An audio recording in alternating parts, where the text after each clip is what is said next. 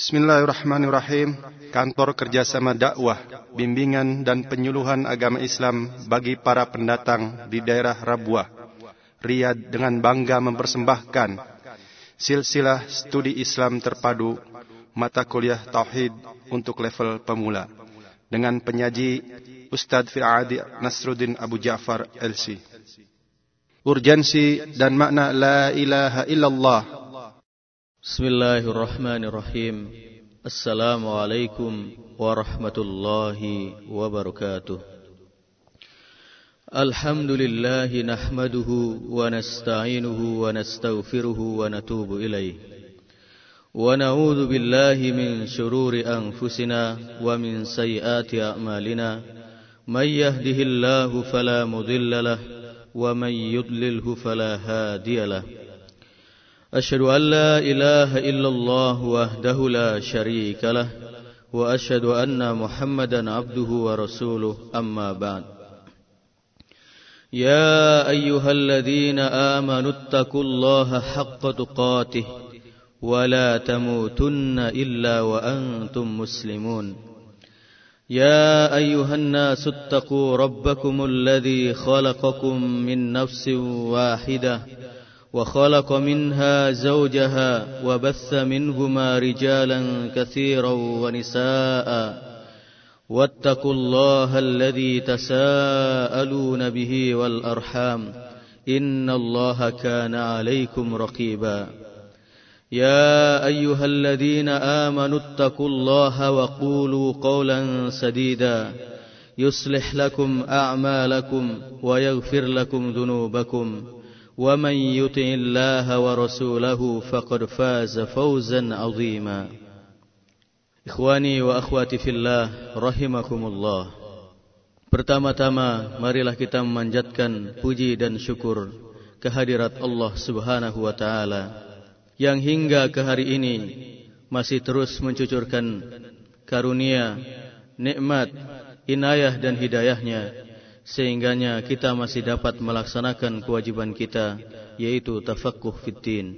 Salawat dan salam semoga senantiasa tercurahkan kepada Rasul junjungan kita Nabi Agung Muhammad sallallahu alaihi wasallam sebagai kudua hasanah kita di dalam meniti hidup dan kehidupan ini. Ikhwani wa akhwati fillah rahimakumullah.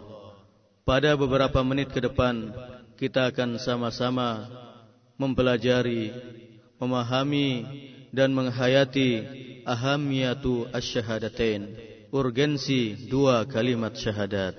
Ikhwani wa akhwati fillah rahimakumullah. Kalimat syahadat merupakan asas utama dan landasan penting bagi rukun Islam. Tanpa syahadat, maka rukun Islam yang lainnya akan menjadi runtuh, menjadi roboh, begitu pula dengan rukun iman. Tegaknya syahadat dalam kehidupan seorang individu, maka akan menegakkan ibadah dan din dalam kehidupan kita. Di mana dengan syahadat akan memberikan motivasi yang sangat kuat terhadap tingkah laku, akal pikiran, dan memotivasi kita untuk melaksanakan rukun Islam yang lainnya. Menegakkan Islam mestilah menegakkan rukun Islam terlebih dahulu.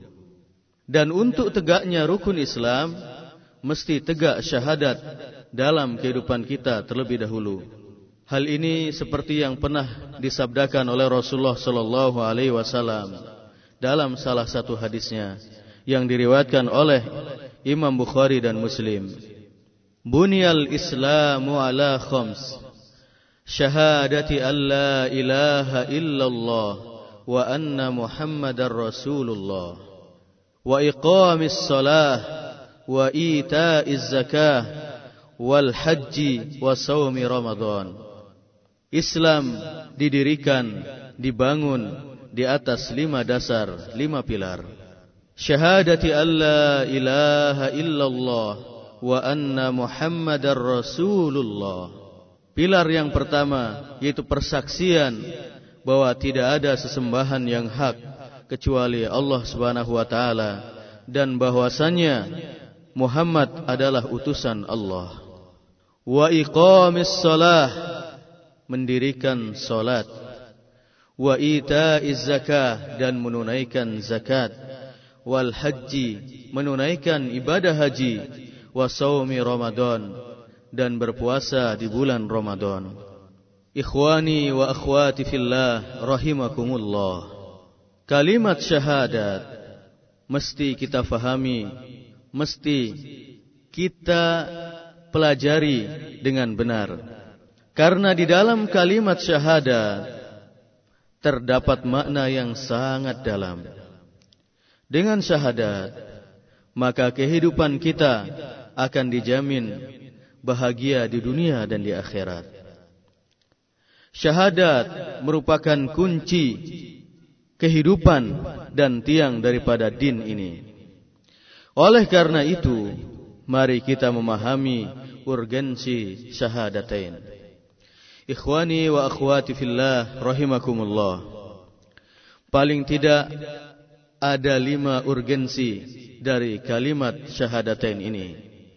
Di antaranya yang pertama adalah bahwa syahadatain merupakan madkhalun ilal Islam sebagai pintu gerbangnya Islam. Syahadat menjadi urgen karena dengan bersyahadat seseorang boleh menyebut dirinya sebagai seorang muslim. Seseorang boleh memproklamirkan dirinya sebagai seorang muslim.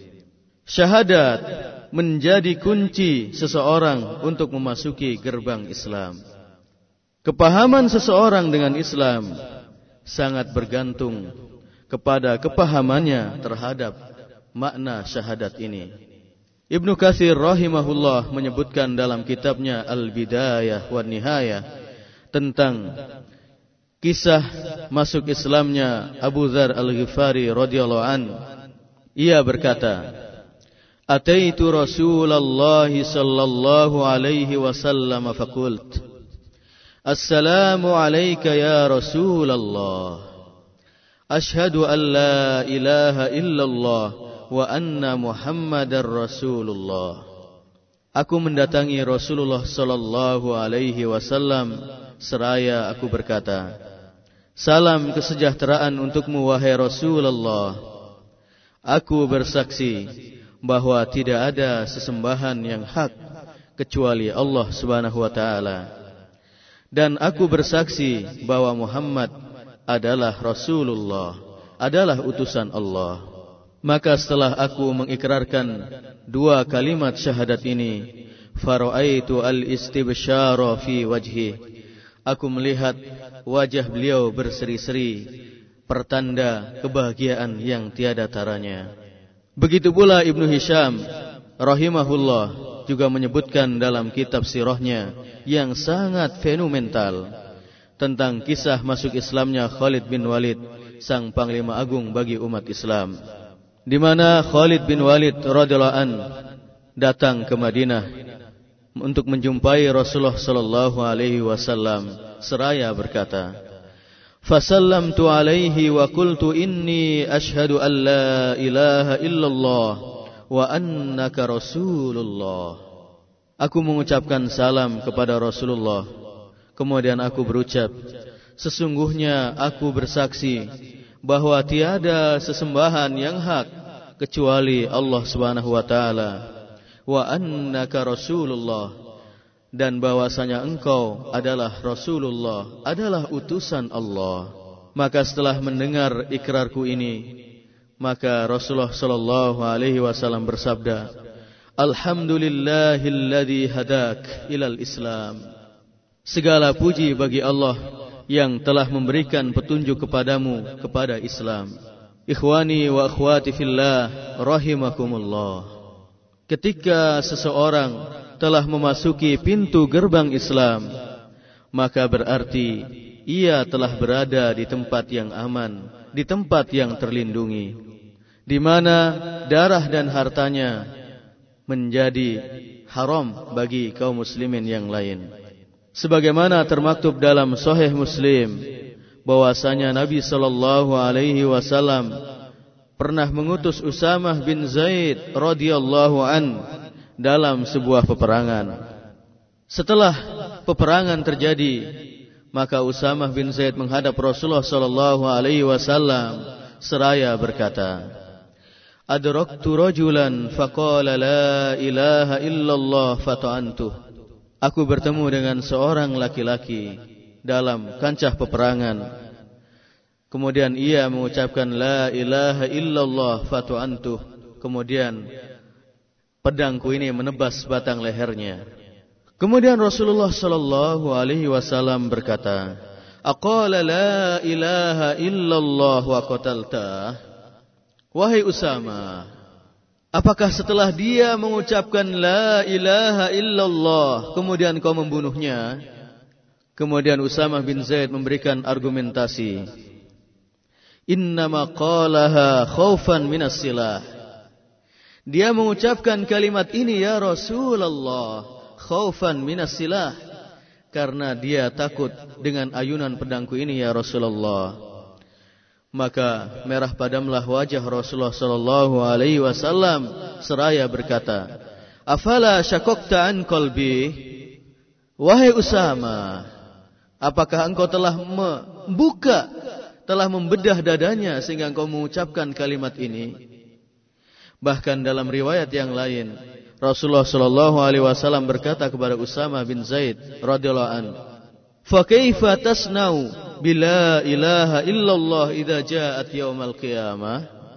Apa yang akan kau perbuat wahai Usama dengan kalimat la ilaha illallah pada hari kiamat ini? Ikhwani wa akhwati fillah rahimakumullah. Kemudian yang kedua yang menjadi urgensi dari syahadatain adalah bahwasanya syahadatain merupakan khulasatu ta'alimil Islam merupakan intisari daripada ajaran Islam Ikhwani wa akhwati fillah rahimakumullah Kepahaman seseorang terhadap Islam sangat bergantung kepada pemahamannya terhadap kalimat syahadatain ini. Seluruh ajaran Islam bermuara pada kalimat syahadatain ini. Ada tiga hal yang menjadi prinsip pada syahadatain ini. Yang pertama, bahwasanya pernyataan la ilaha illallah merupakan penerimaan, penghambaan atau ibadah kepada Allah Subhanahu wa taala. Melaksanakan manhaj Allah merupakan bentuk dari ibadah kepada Allah Subhanahu wa taala. Kemudian yang kedua, menyebut Muhammad sallallahu alaihi wasallam Muhammad Rasulullah merupakan dasar penerimaan cara penghambaan diri kepada Allah Subhanahu wa taala. Agar ibadah dan penghambaan diri kita kepada Allah Subhanahu wa taala berada pada jalan yang lurus berada pada siratal mustaqim bukan berada pada jalan yang menyimpang. Karena tidak ada yang bisa memberikan atau mencontohkan memberikan teladan ibadah yang dikendaki oleh Allah Subhanahu wa taala kecuali Rasulullah sallallahu alaihi wasallam. Kemudian yang ketiga penghambaan kepada Allah Subhanahu wa taala meliputi seluruh aspek kehidupan. Di mana manhaj Allah mengatur hubungan manusia dengan manusia, mengatur hubungan dirinya sendiri dengan masyarakatnya dan seterusnya. Ikhwani wa akhwati fillah rahimakumullah. Kemudian yang menjadi urgensi dari syahadatain yang ketiga adalah syahadatain merupakan asasul inkilab, merupakan dasar perubahan syahadat mampu merubah manusia dalam aspek keyakinan, pemikiran maupun jalan hidupnya. Kalau kita melihat bagaimana salah seorang sahabat yang sangat agung yang menjadi duta Islam pertama yaitu Mus'ab bin Umair radhiyallahu an. Bagaimana keadaannya sebelum Islam, sebelum mengikrarkan kalimat la ilaha illallah Muhammadur Rasulullah dengan keadaannya sesudah mengikrarkan dua kalimat syahadat ini. Di mana pada masa jahiliyah Mus'ab bin Umair radhiyallahu an dikenal sebagai seorang remaja, seorang pemuda yang penuh dengan pesona. Wajahnya yang rupawan, tubuhnya yang sangat atletis, rambutnya yang senantiasa wangi, bau badannya yang senantiasa harum, Wajar jika menjadi idola gadis-gadis pada masa itu. Bahkan Musa bin Umair sangat disayang oleh ibunya tercinta. Namun ketika sang sahabat ini memeluk Islam dengan mengikrarkan dua kalimat syahadat, telah terjadi perubahan yang sangat total. 180 derajat di mana penampilannya yang dulu glamor, perlente sekarang menjadi sangat sederhana. Dulu yang menjadi anak mama sangat dicintai oleh ibunya. Namun karena ibunya tidak merestuinya, tidak merestui dia masuk Islam, maka akibatnya seluruh fasilitas yang telah diberikan oleh ibunya diputus. Sehingga dia menjadi manusia yang sangat-sangat sederhana. Bahkan pada peristiwa Uhud, ketika Mus'ab bin Umair radhiyallahu an meraih syahadah, ada satu peristiwa yang sempat meneteskan meneteskan air mata Rasulullah sallallahu alaihi wasallam karena bajunya, pakaiannya tidak cukup dijadikan sebagai kain kafan. Apabila bajunya, pakaiannya menutupi wajahnya, maka kakinya akan terlihat. Apabila pakaiannya dikebawahkan, maka setengah ke atasnya menjadi terbuka. Oleh karena itu, akhirnya Rasulullah Shallallahu Alaihi Wasallam menutupi lutut dan kakinya dengan dengan rerumputan. Allahu Akbar. Ikhwani wa akhwati fillah rahimakumullah. Begitu pula Khalid bin Walid yang memeluk Islam qabla fathi Mekah sebelum penaklukan kota Mekah di mana Khalid bin Walid radhiyallahu an dikenal sebagai seorang prajurit yang gagah berani, yang sangat brilian dalam strategi perang. Bahkan dalam peperangan Uhud ketika Khalid bin Walid berada di pihak musuh, sempat memporak-porandakan pasukan kaum muslimin.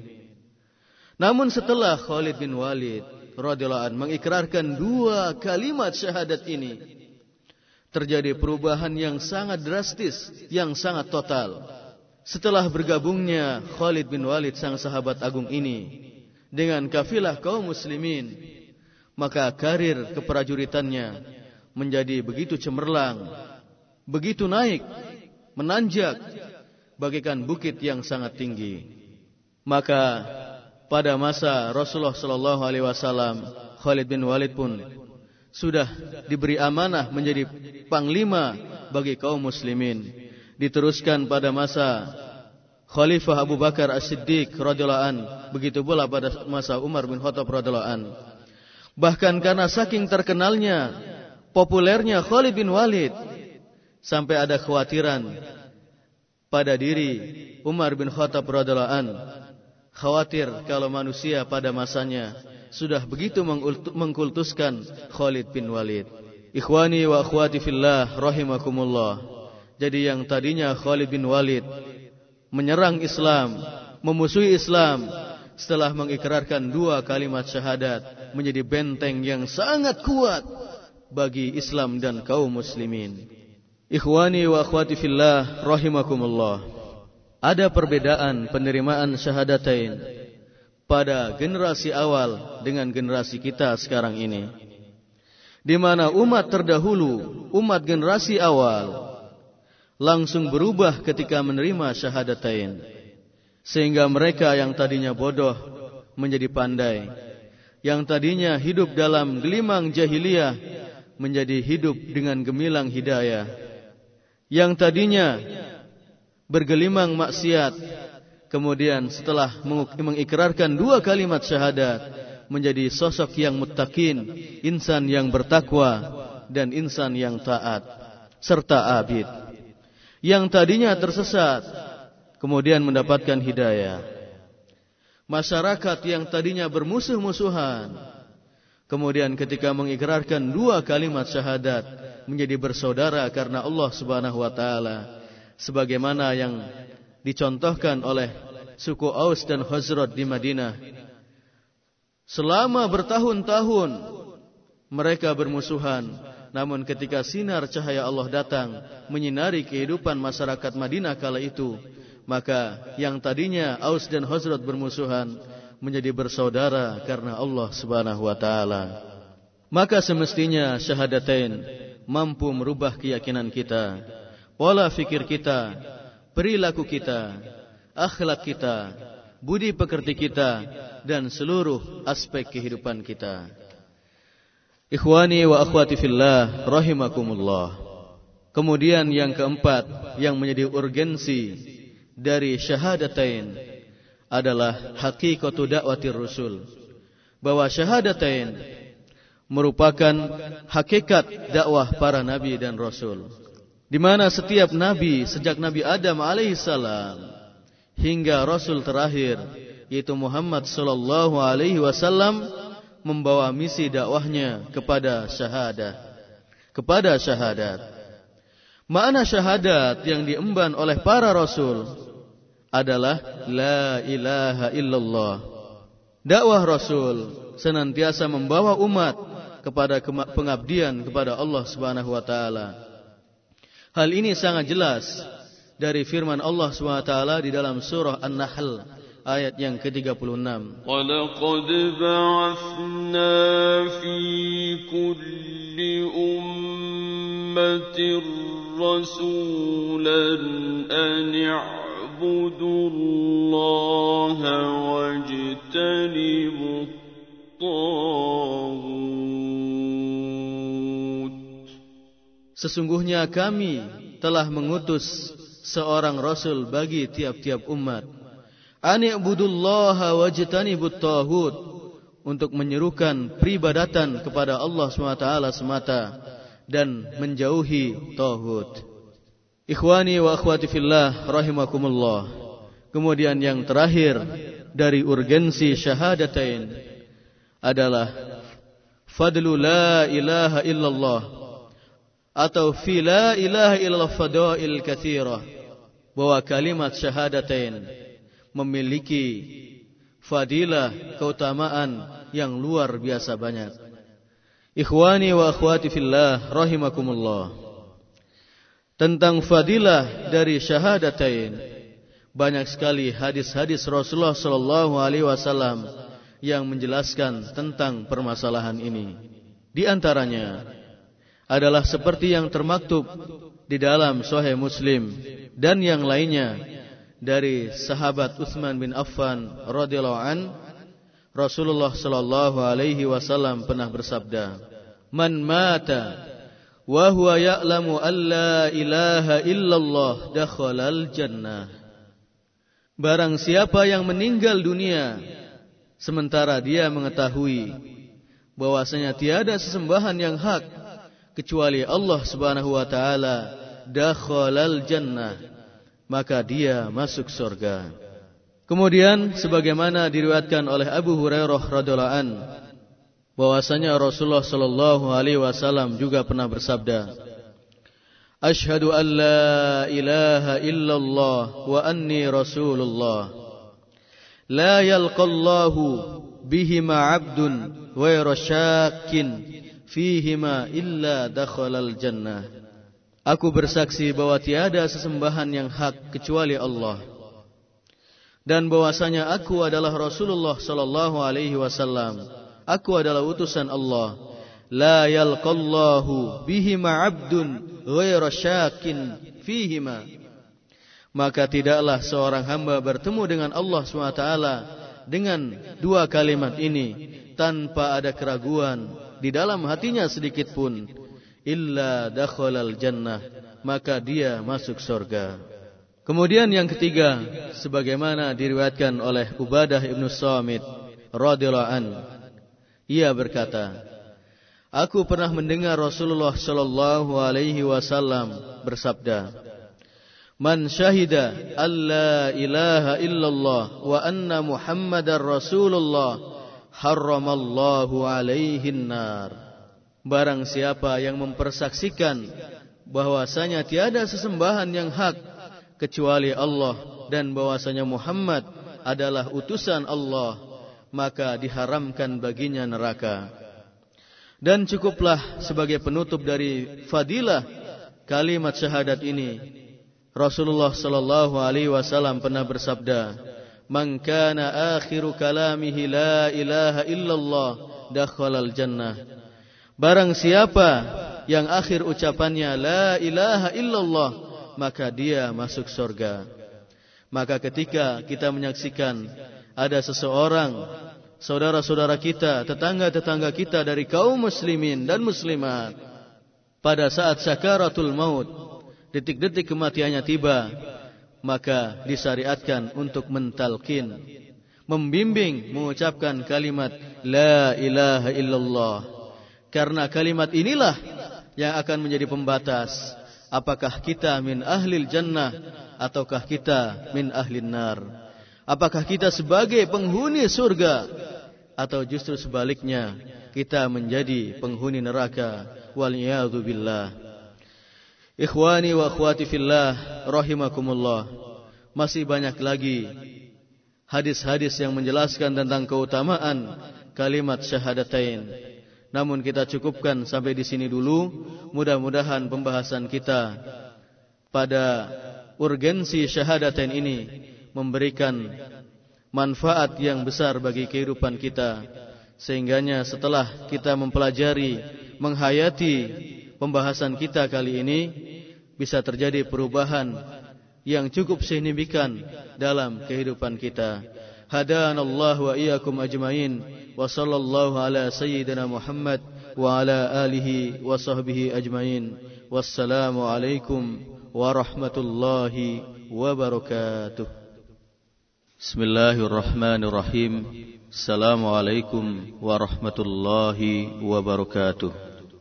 الحمد لله الذي أنزل السكينة في قلوب المؤمنين ليزدادوا إيمانا مع إيمانهم ولله جنود السماوات والأرض وكان الله عليما حكيما. أشهد أن لا إله إلا الله وحده لا شريك له وأشهد أن محمدا عبده ورسوله أما بعد. قال الله تعالى في القرآن الكريم ولقد بعثنا في كل امه رسولا ان اعبدوا الله واجتنبوا الطاغوت Ikhwani wa akhwati fillah rahimakumullah. Pertemuan kita pada kesempatan ini akan membahas tentang makna la ilaha illallah. Yaitu tentang makna dan kandungan dari kalimat la ilaha illallah. Ibnu Abil Aiz dalam kitabnya Syarah Al-Aqidah At-Tahawiyah pernah menjelaskan bal tafawat nuru la ilaha illallah fi qulubi ahliha. Jadi cahaya kalimat la ilaha illallah tafawat fi qulubi ahliha. Jadi bertingkat-tingkat berbeda-beda antara yang satu dengan yang lain. La yuhsihi illallah. Tidak ada yang bisa mengetahuinya kecuali hanya Allah Subhanahu wa taala. Faminan nasi man nuruha fi qalbihi kasyams. Di antara manusia ada yang memiliki sinar cahaya la ilaha illallah di dalam hatinya seperti matahari. Cahayanya begitu cemerlang, cahayanya begitu benderang. Itulah cahaya la ilaha illallah yang berada di sebagian hati kaum muslimin. Man nuruha fi qalbihi kal kaukabid durri. Dan di antara manusia ada yang memiliki sinar cahaya la ilaha illallah yang tersema di dalam jiwanya seperti gugusan bintang-bintang di langit. Wa akhar kal mish'al al-azim dan sebagian yang lain memiliki sinar cahaya la ilaha illallah yang ada di dalam jiwanya seperti pelita yang agung, pelita yang terang. Wa akhar kasiraj al-qawi. Sementara yang lain memiliki cahaya yang kuat dan sebagiannya yang lain wa akhar kasiraj ad-dhaif memiliki sinar cahaya la ilaha illallah begitu lemah bagaikan pelita yang redup. Beliau meneruskan walihada tadharul anwar yaumal qiyamah. Seperti itu pula lah nanti cahaya la ilaha illallah akan menerangi mereka pada hari kiamat. Biaimanihim wa baina aidihim yang menerangi mereka di depan mereka dan di samping kanan mereka. Ala hadal miqdar sesuai dengan kadar dan tingkatan mereka masing-masing. Min nuril iman wat tauhid ilman wa amala. Hal ini dikarenakan jadi kuat atau tidaknya cahaya yang ada di dalam jiwa mereka dan yang akan menerangi pada hari kiamat sangat ditentukan oleh cahaya iman dan tauhid secara ilmu dan pengamalan. Oleh karena itu, sebagaimana telah kita bahas pada pertemuan sebelumnya, bahwa pemahaman seseorang dengan al-Islam sangat bergantung kepada pemahamannya terhadap kalimat la ilaha illallah. Ma huwal makna la ilaha illallah? Apakah mana dari kalimat la ilaha illallah ini? Syekh Sulaiman bin Abdullah dalam kitabnya Taisir Al-Aziz Al-Hamid halaman yang ke-53 dia berkata Wa makna la ilaha illallah ay la ma'buda bihaqqin illa ilahu wahid. Makna dari kalimat la ilaha illallah adalah la ma'buda bihaqqin illa ilahun wahid. Tidak ada sesembahan yang hak kecuali ilah yang satu. Wa huwa Allah wahdahu la syarikalah dan ilah itu adalah Allah Subhanahu wa taala semata, tiada sekutu baginya.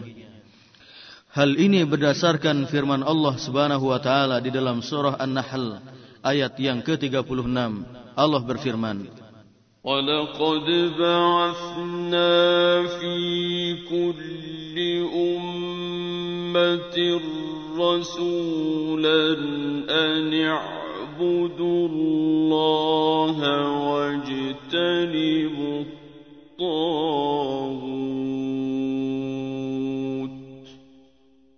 Dan sesungguhnya kami telah mengutus bagi setiap umat rasulah seorang rasul.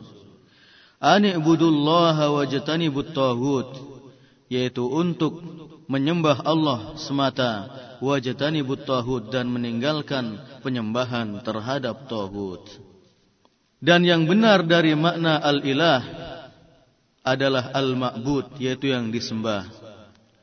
Maka dari kalimat ini pula ketika Rasulullah sallallahu alaihi wasallam berkata kepada kufar Quraisy, "Qulu la ilaha illallah."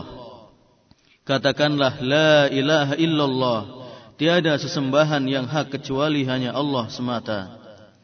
Maka mereka berkata dan ini diabadikan oleh Allah Subhanahu wa taala di dalam Al-Qur'an surah Sad ayat yang kelima. Aj'ala al-alihata ilahan wahidan inna hadza la syai'un 'ujab. Apakah dia menjadikan ilah-ilah itu sesembahan-sesembahan itu ilahan wahida hanya sesembahan yang satu inna hadza la syai'un ujab ini adalah suatu perkara yang sangat menakjubkan. Di dalam kalimat la ilaha illallah terkandung annama siwallahi laisa biilah. Bahwa selain Allah bukanlah disebut dengan ilah. Karena ilahiyah karena sesungguhnya setiap ilahiyah setiap ilah ma siwahu min abtalil batil. Jadi setiap ilah selain Allah adalah merupakan kebatilan yang nyata. Wa isbatuha adlamu zulm. Kemudian menetapkannya ilah selain Allah adalah merupakan bentuk kezaliman yang teragung. Karena sudah difahami bahwa fala yastahiqqu al-ibadah siwahu kama la tasluh al-ilahiyah li ghairi. Di mana tidak berhak memberikan ibadah mempersembahkan ibadah kepada selain Allah, maka begitu pula tidak dibenarkan ada ilah-ilah selain Allah Subhanahu wa taala. Jamaah sekalian yang dirahmati oleh Allah Subhanahu wa taala. Di dalam kalimat la ilaha illallah terkandung nafian, peniadaan, wa isbata dan pengukuhan penetapan. Di dalam kitabnya makna la ilaha illallah wa syurutuha Syekh Saleh bin Muhammad Al-Ulay pernah menjelaskan bahwa di dalam kalimat la ilaha illallah ada empat hal yang harus ditiadakan yang harus dinafikan yang harus dihilangkan. Yang pertama adalah al-alihah yang merupakan jamak dari kalimat ilah. Ma hiya al-aliha?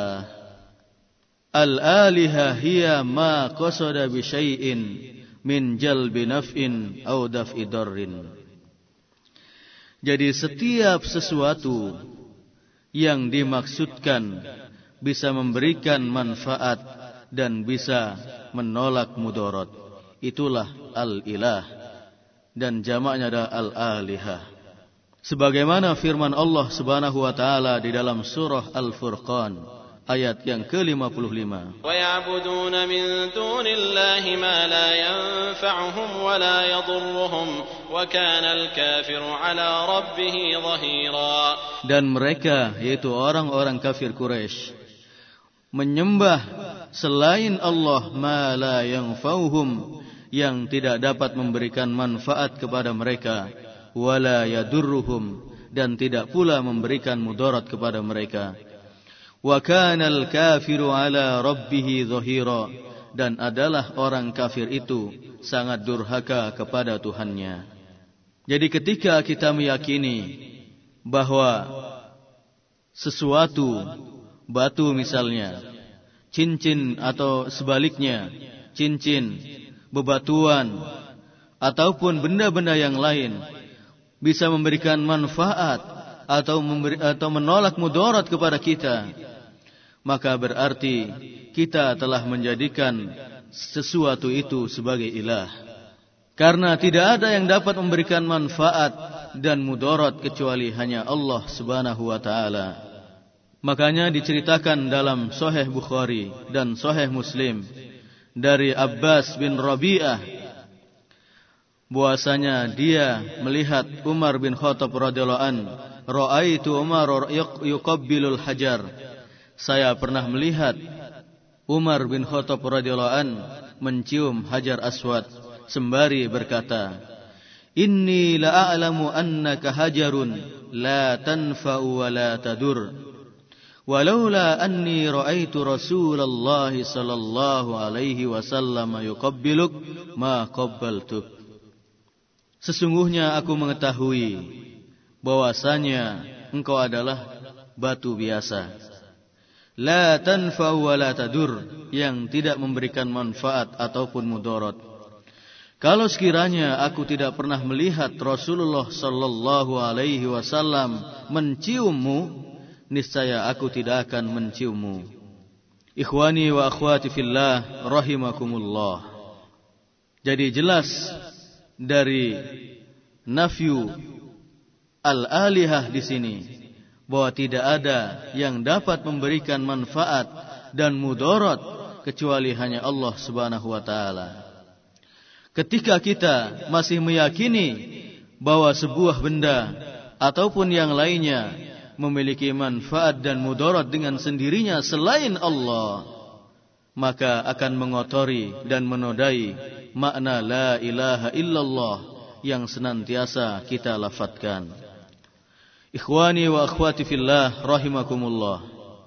Kemudian yang kedua yang harus kita tiadakan, yang harus kita nafikan di dalam kalimat la ilaha illallah adalah at-tawaghit. Tauhid-tauhid. Mahya tawaghit? Apakah yang dimaksud dengan tauhid itu? Jadi tauhid yang merupakan jamak dari tauhid adalah kullu man ubida min dunillah wa huwa radin au rusyiha lil ibadah. Jadi setiap sesuatu yang dijadikan oleh manusia selain Allah sebagai sesembahan. Wa huwa radin. Sedangkan dia ridho, dia rela. Au rusyiha lil ibadah. Atau dia memang dipersiapkan untuk diibadahi. Sebagaimana pengikutnya Nabi Musa alaihissalam ketika ditinggal oleh Nabi Musa selama 40 malam maka dalam waktu yang sangat singkat itu As-Samiri yang merupakan pengikut Nabi Musa alaihissalam pada awalnya membuat sapi betina dari emas untuk dijadikan sebagai sesembahan. Kemudian teman-temannya, rekan-rekannya mengikuti ajakan Samiri ini. Berarti Samiri dan rekan-rekannya yang menjadikan sapi betina yang terbuat dari emas sebagai sesembahan berarti dia dan rekan-rekannya telah menjadikannya sebagai tauhid. Begitu pula pengikut-pengikut Fir'aun menjadikan Fir'aun sebagai sesembahan, maka secara otomatis pengikut-pengikut Fir'aun telah menjadikannya sebagai Tauhud. Kufar Quraisy menjadikan berhala Hubal, Lata, Uzza, Manat dan lain-lain sebagai sesembahan selain Allah. Maka berarti mereka telah menjadikan berhala-berhala itu sebagai Tauhud.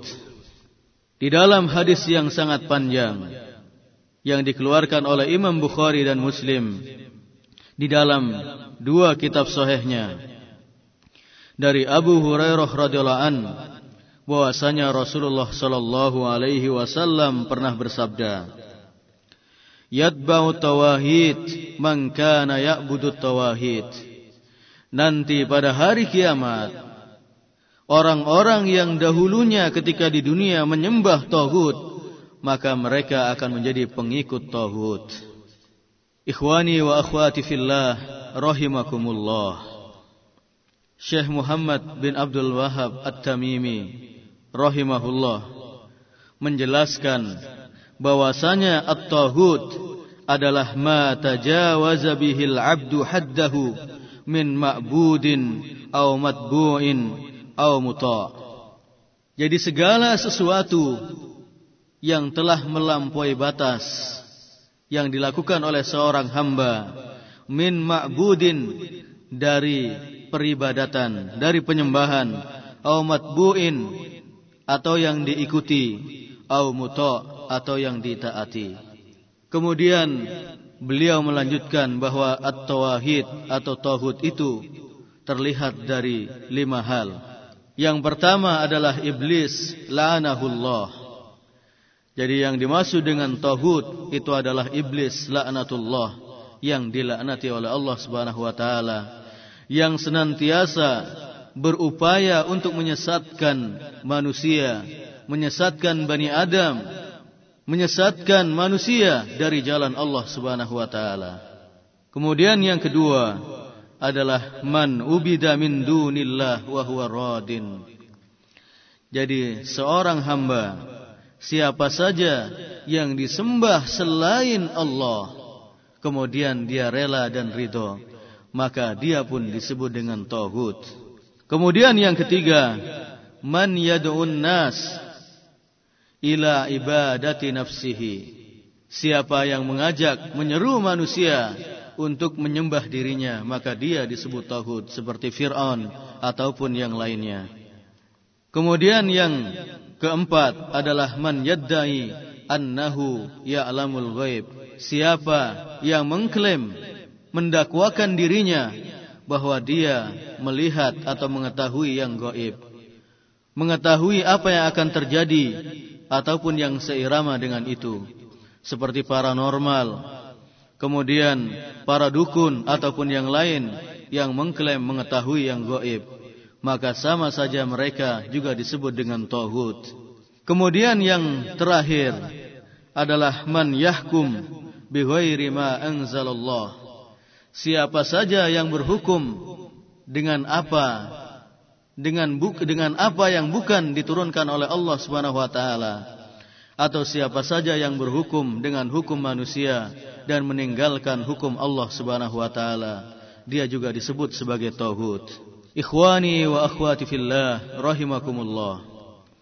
Kemudian yang ketiga adalah al-andad yang harus kita tiadakan yang harus kita nafikan dalam kalimat la ilaha illallah adalah al-andad jamak dari nid yaitu tandingan-tandingan. Mahiyal andat. Apakah yang dimaksud dengan andat itu?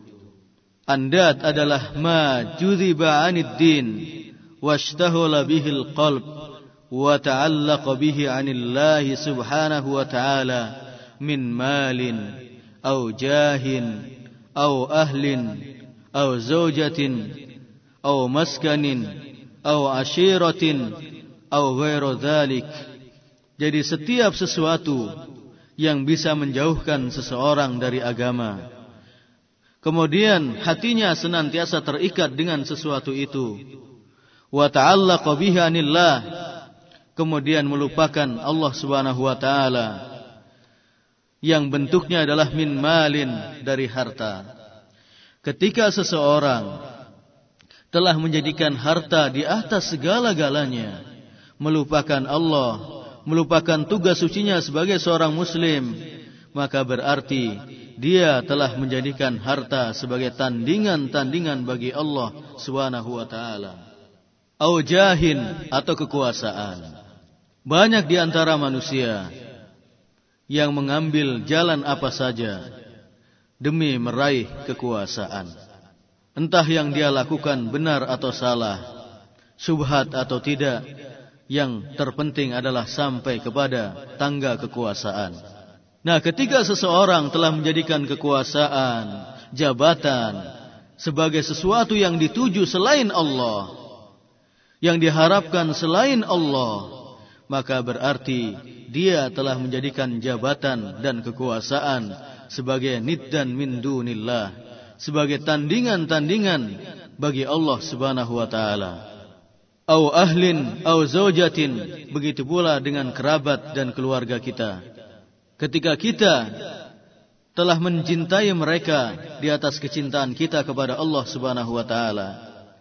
Ketika kita telah merindukan mereka di atas kerinduan kita kepada Allah Subhanahu wa taala, maka berarti kita telah menjadikan kerabat, anak, istri kita sebagai niddan min dunillah, sebagai sesembahan, sebagai tandingan selain Allah Subhanahu wa taala. Ketika kita telah menjadikan anak kita lalai dari Allah Subhanahu wa taala, menjadikan istri kita sebagai penghalang dari jihad fisabilillah, kerabat-kerabat kita sebagai penghalang dari sodakoh dan lain sebagainya maka waspadalah karena kita telah terjebak menjadikan mereka sebagai tandingan-tandingan bagi Allah Subhanahu wa taala. Au maskanin au atau tempat tinggal. Maskan ketika kita telah memburu tempat tinggal yang bagus, yang mega sampai melupakan norma-norma agama, maka berarti kita telah menjadikan menjadikan maskan, menjadikan tempat tinggal, perumahan dan lain sebagainya sebagai niddan min dunillah, sebagai tandingan-tandingan di sisi Allah Subhanahu wa taala. Allah Subhanahu wa taala berfirman di dalam surah Al-Baqarah ayat 165. Wa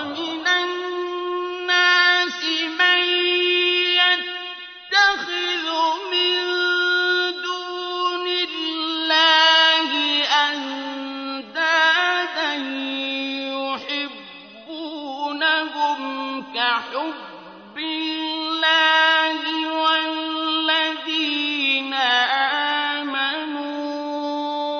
أشد حبا لله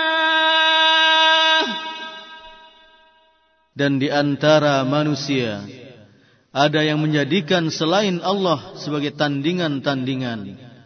Yuhibbunahum kahubbillah. Di mana mereka mencintai tandingan-tandingan itu kahubbillah seperti mereka mencintai Allah Subhanahu wa taala.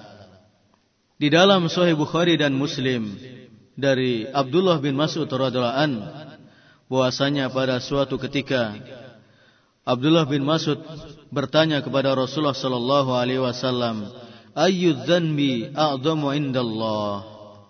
Wahai Rasulullah, dosa apakah yang paling agung, yang paling besar di sisi Allah Subhanahu wa taala? Maka Rasulullah pun menjawab, an taj'ala lillahi niddan wa huwa khalaqak. Jadi engkau menjadikan bagi Allah tandingan-tandingan padahal dia telah menjadikan dirimu, telah menciptakan dirimu. Ikhwani wa akhwati fillah rahimakumullah. Kemudian yang harus kita nafikan, yang harus kita tiadakan dari kalimat la ilaha illallah yang keempat, yang terakhir adalah al-arbab. Jamak dari Rob. Mahyal arbab. Al-arbab adalah hum man aftaka bi khilafil haq. Fa'ata'tahu wa anta ta'lamu annahu ala ghairil haq. Siapa saja yang memberikan fatwa, memberikan pengajaran kepadamu bi khilafil haq yang menyalahi yang benar, menyalahi yang hak tahu. Kemudian engkau mentaatinya. Au jahilta atau seolah-olah engkau merasa tidak tahu, merasa bodoh. Au qasarta fi talabil haq atau engkau kurang dalam menuntut ilmu. Ma imkani padahal kesempatan untuk menambah ilmu itu ada. Ketika Allah Subhanahu wa taala menurunkan Surah At-Taubah ayat yang ke-31. Ittakhadhu ahbarahum wa ruhbanahum arbaban min dunillahi wal masih ibn Maryam.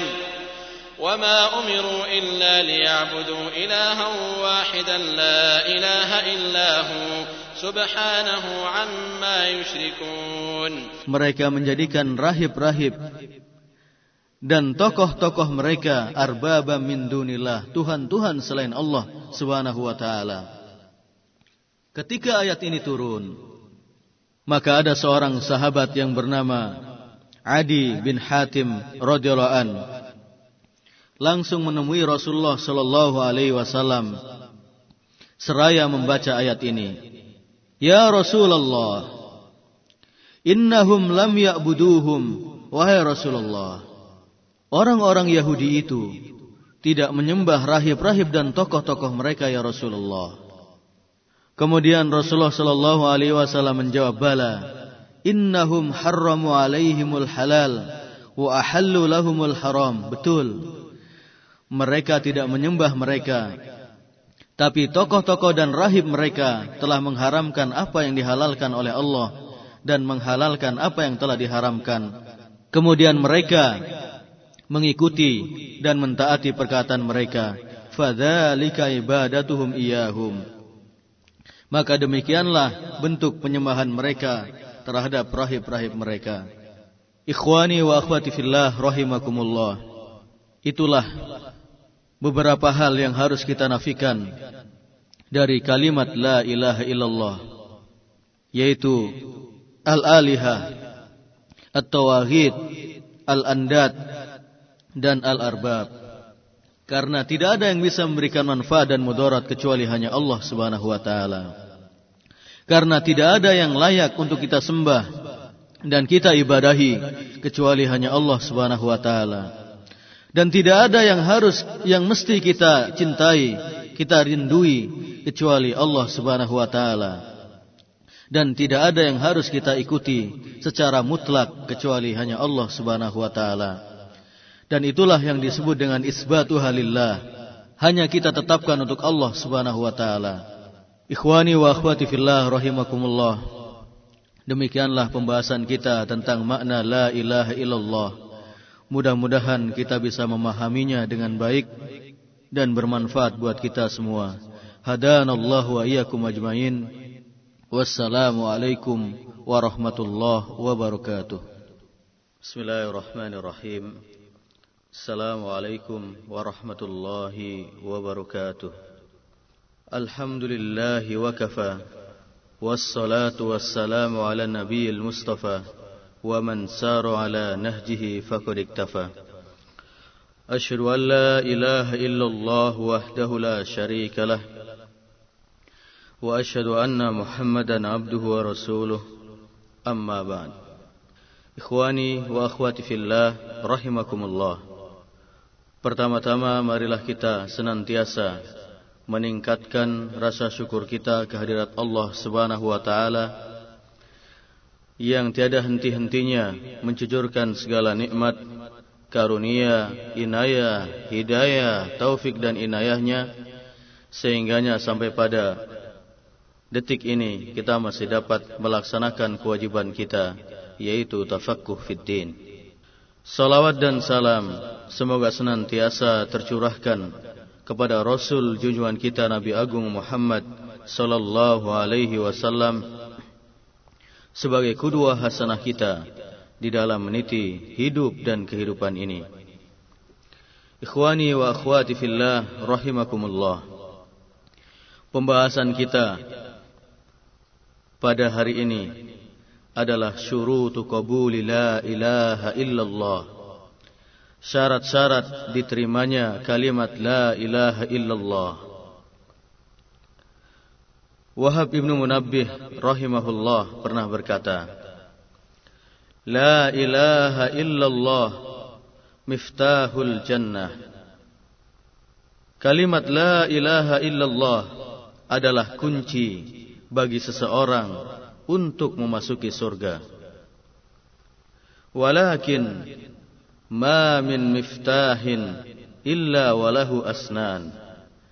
Akan tetapi tidak ada satupun dari kunci-kunci yang ada illa walahu asnan kecuali memiliki gerigi-geriginya. Fa in ji'ta bimiftahin lahu asnan futihalak.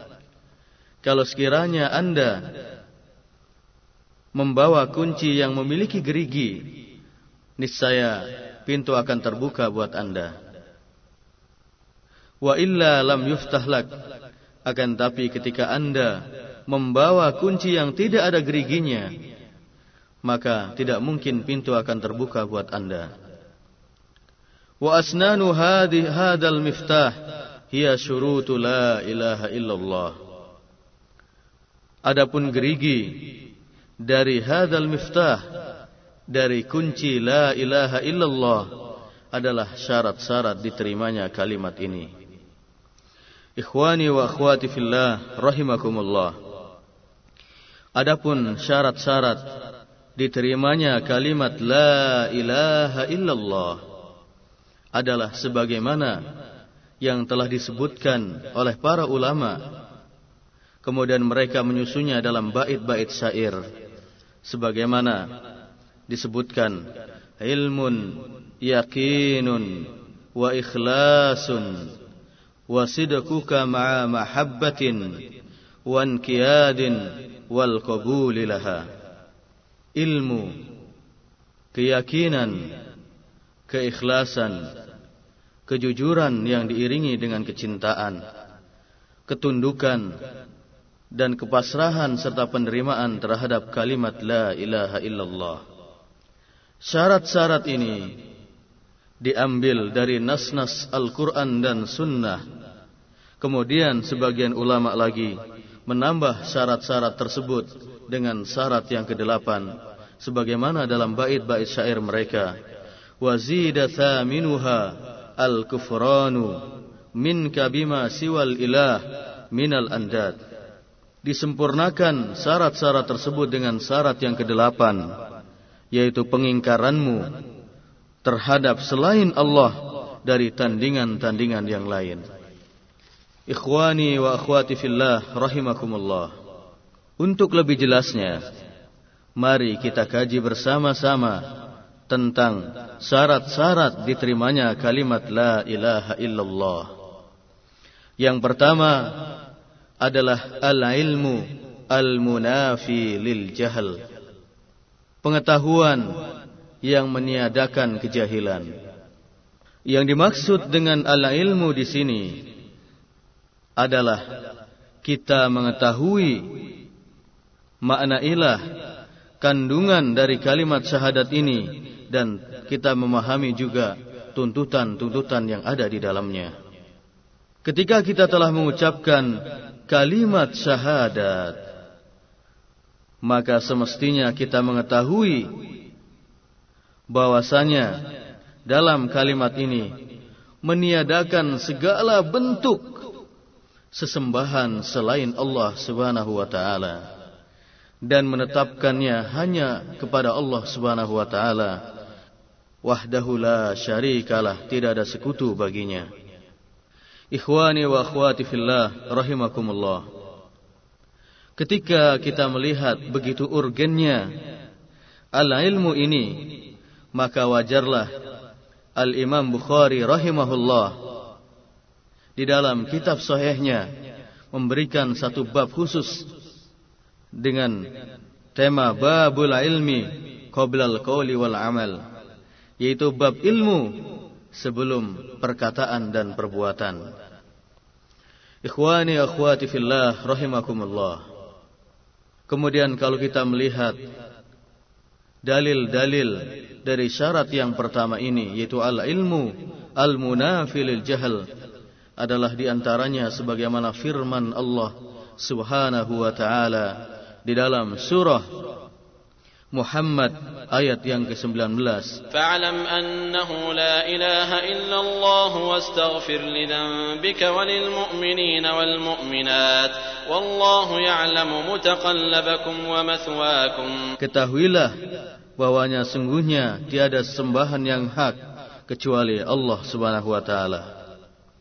Kemudian dalil Al-Quran ini diperkuat lagi dengan sabda Rasulullah sallallahu alaihi wasallam yang diriwayatkan oleh Imam Muslim. Man mata wa huwa ya'lamu alla ilaha illallah dakhalal jannah.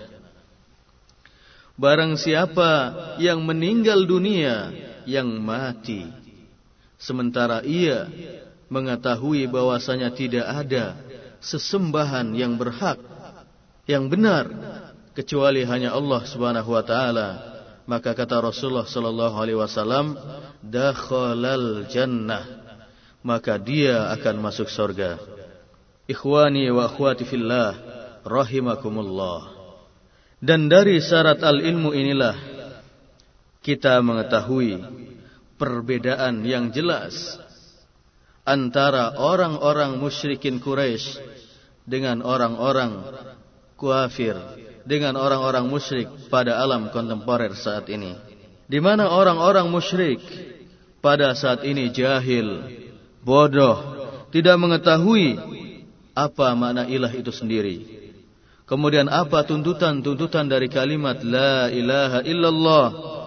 Begitu pula apa yang terkandung di dalam kalimat ini. Adapun orang-orang musyrik Quraisy mereka mengetahui benar makna ilah dan kandungan serta tuntutan-tuntutan dari kalimat la ilaha illallah. Cobalah kita simak firman Allah Subhanahu wa taala di dalam surah Sad ayat yang kelima. Dari ayat ini menggambarkan dan melukiskan bagaimana ungkapan-ungkapan kufar Quraisy, orang-orang musyrikin Quraisy sebagaimana diabadikan dalam Al-Quran pada ayat tersebut.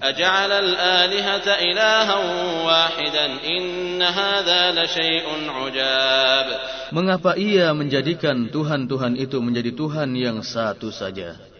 Sesungguhnya, ini adalah benar-benar suatu hal yang sangat mengherankan. Kemudian akhirnya pemimpin dan tokoh-tokoh Quraisy menyeru dan mengajak kepada manusia, kepada golongannya, kepada pengikut-pengikutnya ini juga diabadikan dalam Al-Quran surat Sot ayat yang ke-6. وانطلق الملأ منهم أن امشوا واصبروا على آلهتكم إن هذا لشيء يراد Pergilah kamu dan tetaplah menyembah Tuhan-Tuhan itu, Tuhan-Tuhanmu. Ikhwani wa akhwati fillah rahimakumullah. Adapun syarat diterimanya kalimat la ilaha illallah yang kedua adalah al-yaqinu al-munafi lisyak. Keyakinan yang menafikan segala keraguan. Maksudnya adalah siapa yang telah mengucapkan kalimat syahadat maka ia harus meyakini di dalam hatinya dan meyakini apa yang dia ucapkan. Serta ia meyakini adanya kepalsuan dan kebatilan segala bentuk sesembahan selain Allah Subhanahu wa taala. Baik berupa berhala bebatuan pepohonan manusia raja tokoh ataupun yang lain. Ikhwani wa akhwati fillah rahimakumullah adapun dalil dari syarat yang kedua ini yaitu al-yaqin al-munafi syak adalah sebagaimana sabda Rasulullah sallallahu alaihi wasallam yang diriwayatkan oleh Imam Muslim dalam kitab sahihnya. Man laqitu min wara'i hadzal ha'id yashhadu an la ilaha illallah mustayqinan biha qalbuhu fabashshirhu bil jannah. Barang siapa yang aku temui di balik dinding ini, sedangkan ia menyaksikan bahwasanya tidak ada sesembahan yang hak selain Allah, mustaikinan biha qalbu, sementara hatinya penuh dengan keyakinan, fabashshirhu bil jannah, maka berikanlah kabar gembira kepadanya bahwa dia termasuk penghuni sorga. Ikhwani wa akhwati fillah rahimakumullah dengan keyakinan yang tertancap kuat di dalam hati kita, maka Allah memberikan pujian, Allah memberikan sanjungan kepada keimanan kita, kepada keimanan orang-orang yang beriman.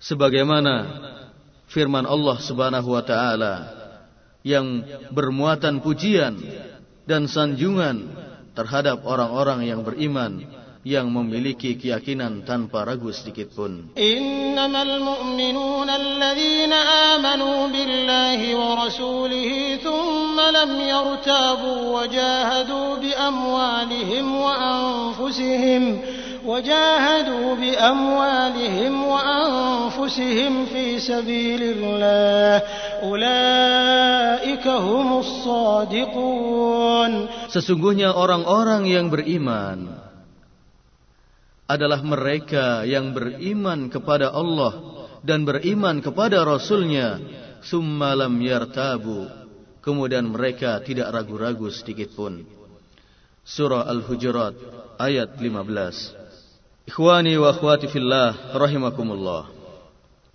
Kalau Allah Subhanahu wa taala memberikan pujian dan sanjungan kepada orang-orang mukmin karena keimanan mereka maka begitu pula Allah Subhanahu wa taala memberikan hinaan, celaan, cercaan kepada orang-orang munafik lantaran mereka berada dalam keraguan-raguan di dalam keimanan mereka.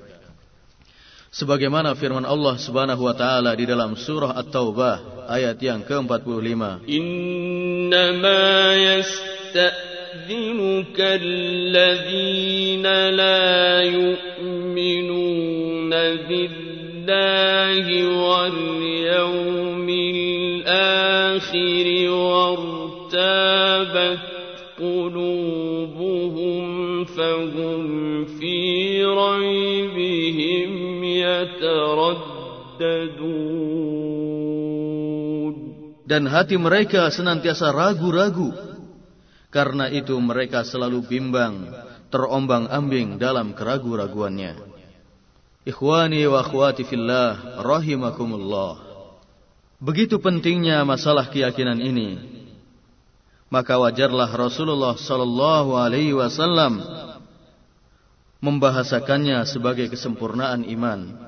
Sebagaimana sabda beliau, As-sabru nisful iman wal yaqinu al-imanu kulluh. Kesabaran adalah separuh dari keimanan, sedangkan keyakinan adalah gambaran dari kesempurnaan iman. Hadis riwayat Bukhari. Ikhwani wa akhwati fillah rahimakumullah. Adapun syarat diterimanya kalimat la ilaha illallah yang ketiga adalah al-qabulu al-munafi lirrad. Penerimaan, ketundukan yang menafikan penolakan. Ada sebagian manusia yang mengetahui makna syahadat dan meyakini kebenarannya akan tetapi mereka menolak mereka menolak kalimat ini karena kesombongan mereka dan karena hasad mereka. Itulah keadaan ulama-ulama dan tokoh orang-orang Yahudi dan Nasrani yang telah melihat Allah sebagai satu-satunya sembahan yang hak, yang benar.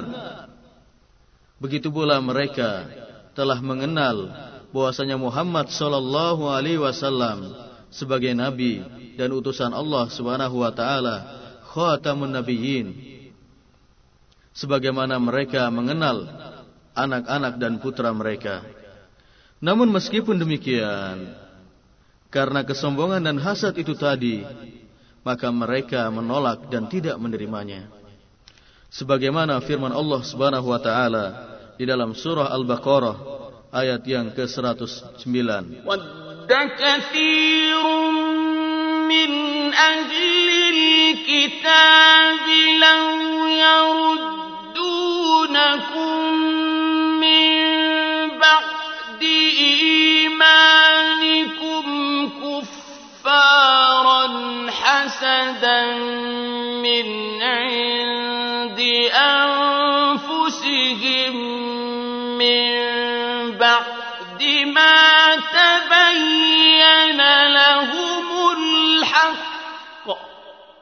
Karena dengki yang timbul dari diri mereka sendiri setelah nyata bagi mereka kebenaran.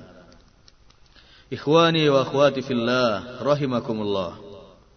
Dan demikian pula lah keadaan orang-orang musyrik yang telah mengetahui makna yang terkandung di dalam kalimat la ilaha illallah dan kebenaran kerasulan Muhammad sallallahu alaihi wasallam akan tetapi mereka tidak menerimanya dan bahkan menolaknya bahkan memusuhinya lantaran kesombongan yang menguasai hati-hati mereka.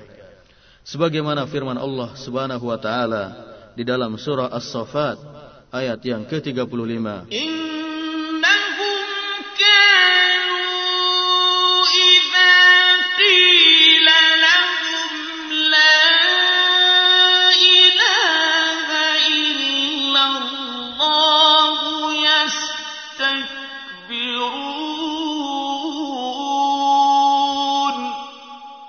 Sesungguhnya mereka dahulu apabila dikatakan kepada mereka La ilaha illallah Tiada sesembahan yang berhak kecuali Allah subhanahu wa ta'ala.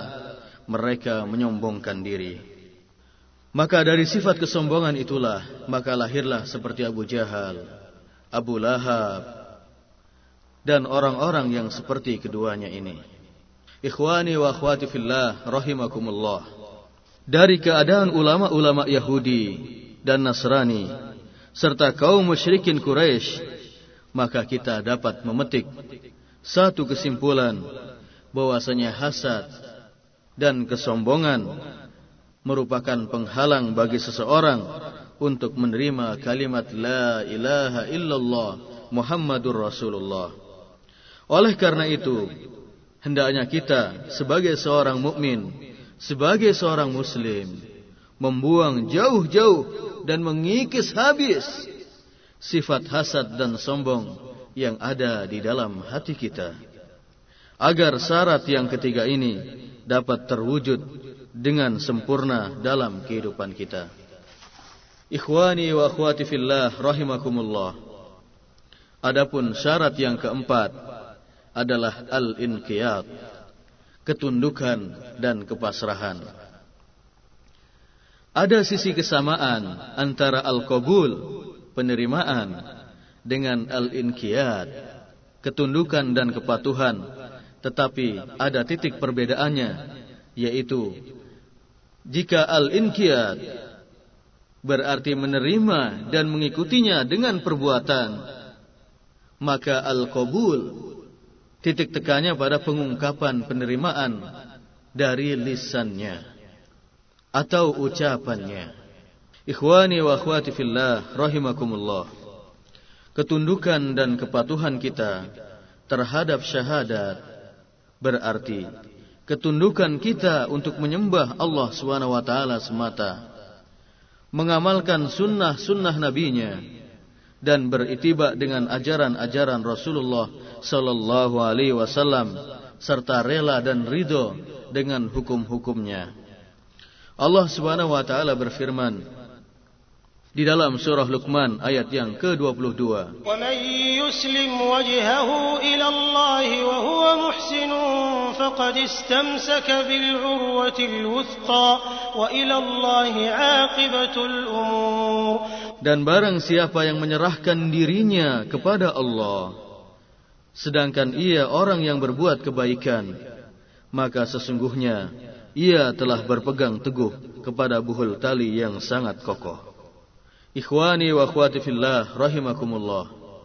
Kemudian syarat yang kelima adalah as-sidqu al-munafi lil kadhib. Kejujuran yang menafikan kedustaan.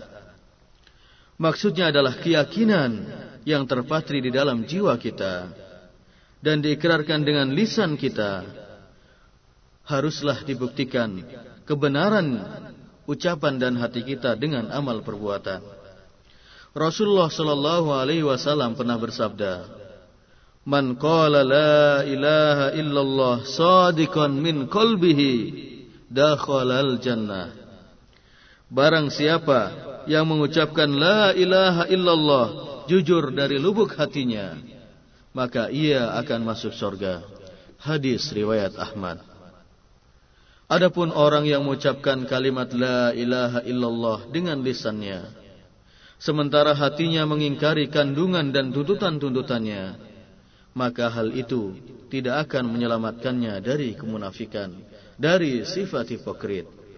Sebagaimana Allah Subhanahu wa taala telah menceritakan tentang perilaku orang-orang munafik yang diabadikan di dalam Al-Qur'an di dalam surah Al-Munafikun ayat yang pertama ketika mereka mengungkapkan kepada Rasulullah sallallahu alaihi wasallam idza ja'akal munafiquna qalu nashhadu innaka la rasulullah wallahu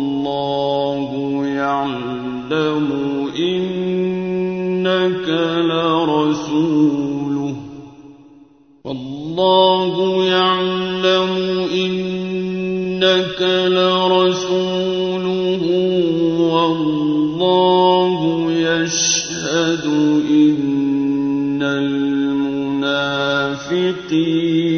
لكاذبون Kami telah menyaksikan sesungguhnya engkau adalah Rasulullah. Namun ketika ucapan mereka tidak diimbangi dengan keyakinan di dalam hatinya yang penuh, maka apa yang mereka ucapkan dibantah oleh Allah SWT. Wallahu yashhadu innal munafiqina lakadzibun. Dan Allah menyaksikan bahwasanya orang-orang munafik itu lakadzibun, orang-orang pendusta. Ikhwani wa akhwati fillah rahimakumullah. Ketidakselarasan antara ucapan dan isi hati dapat menyebabkan seseorang terjatuh ke dalam jurang kemunafikan. Sikap hipokrit menafikan keimanan sebagaimana uh, firman Allah Subhanahu wa taala wa minan nasi man yaqulu amanna billahi wa bil yaumil akhir wa ma hum dan ada sebagian manusia yang mengucapkan amanna kami telah beriman billahi kepada Allah wa bil yaumil akhir dan kepada hari akhir tapi kata Allah wa ma hum bimumin akan tapi sebenarnya mereka tidaklah beriman. Sungguh indah ungkapan Ibnu Qayyim Al-Jauziyah rahimahullah. Wat-tasdiqu bila ilaha illallah wal iqrara bihuquqiha wa hiya syara'i'ul Islam allati hiya tafsilu hadhil kalimah. Pembenaran terhadap kalimat la ilaha illallah menuntut seseorang untuk tunduk dan mengakui akan hak-hak kalimat ini yaitu syariat Islam yang merupakan penjabaran dari kalimat ini. Ikhwani wa akhwati fillah rahimakumullah. Kemudian yang keenam, syarat-syarat diterimanya kalimat la ilaha illallah adalah al-ikhlasu al-munafi li syirk keikhlasan yang menafikan kesyirikan. Maksudnya adalah kita membersihkan setiap amalan kita dengan kelurusan niat dan membersihkannya dari noda-noda syirik.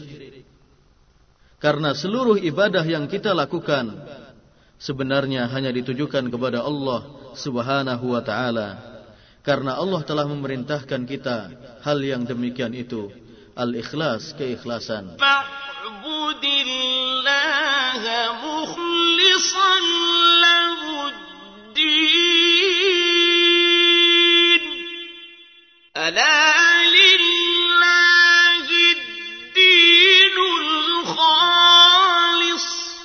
Maka sembahlah Allah subhanahu wa ta'ala dengan memurnikan ketaatan kepadanya. Az-Zumar ayat yang kedua. Orang yang memurnikan ketaatan, ibadah hanya untuk Allah semata, bukan untuk para malaikat yang dekat dengan Allah, bukan untuk para nabi yang diutus kepada manusia atau kepada yang lainnya, akan mendapatkan kabar gembira dari Rasulullah sallallahu alaihi wasallam sebagaimana tertera dalam sabdanya, As'adun nasi bisyafaati man qala la ilaha illallah khalisan min qalbi. Manusia yang paling berbahagia dengan syafaatku pada hari kiamat adalah orang yang mengucapkan la ilaha illallah yang lahir dari keikhlasan hatinya. Hadis riwayat Bukhari. Oleh karena itu, ikhwani wa akhwati fillah rahimakumullah. Tidak sepantasnya kita mengharapkan pujian lain selain pujian Allah Subhanahu wa taala.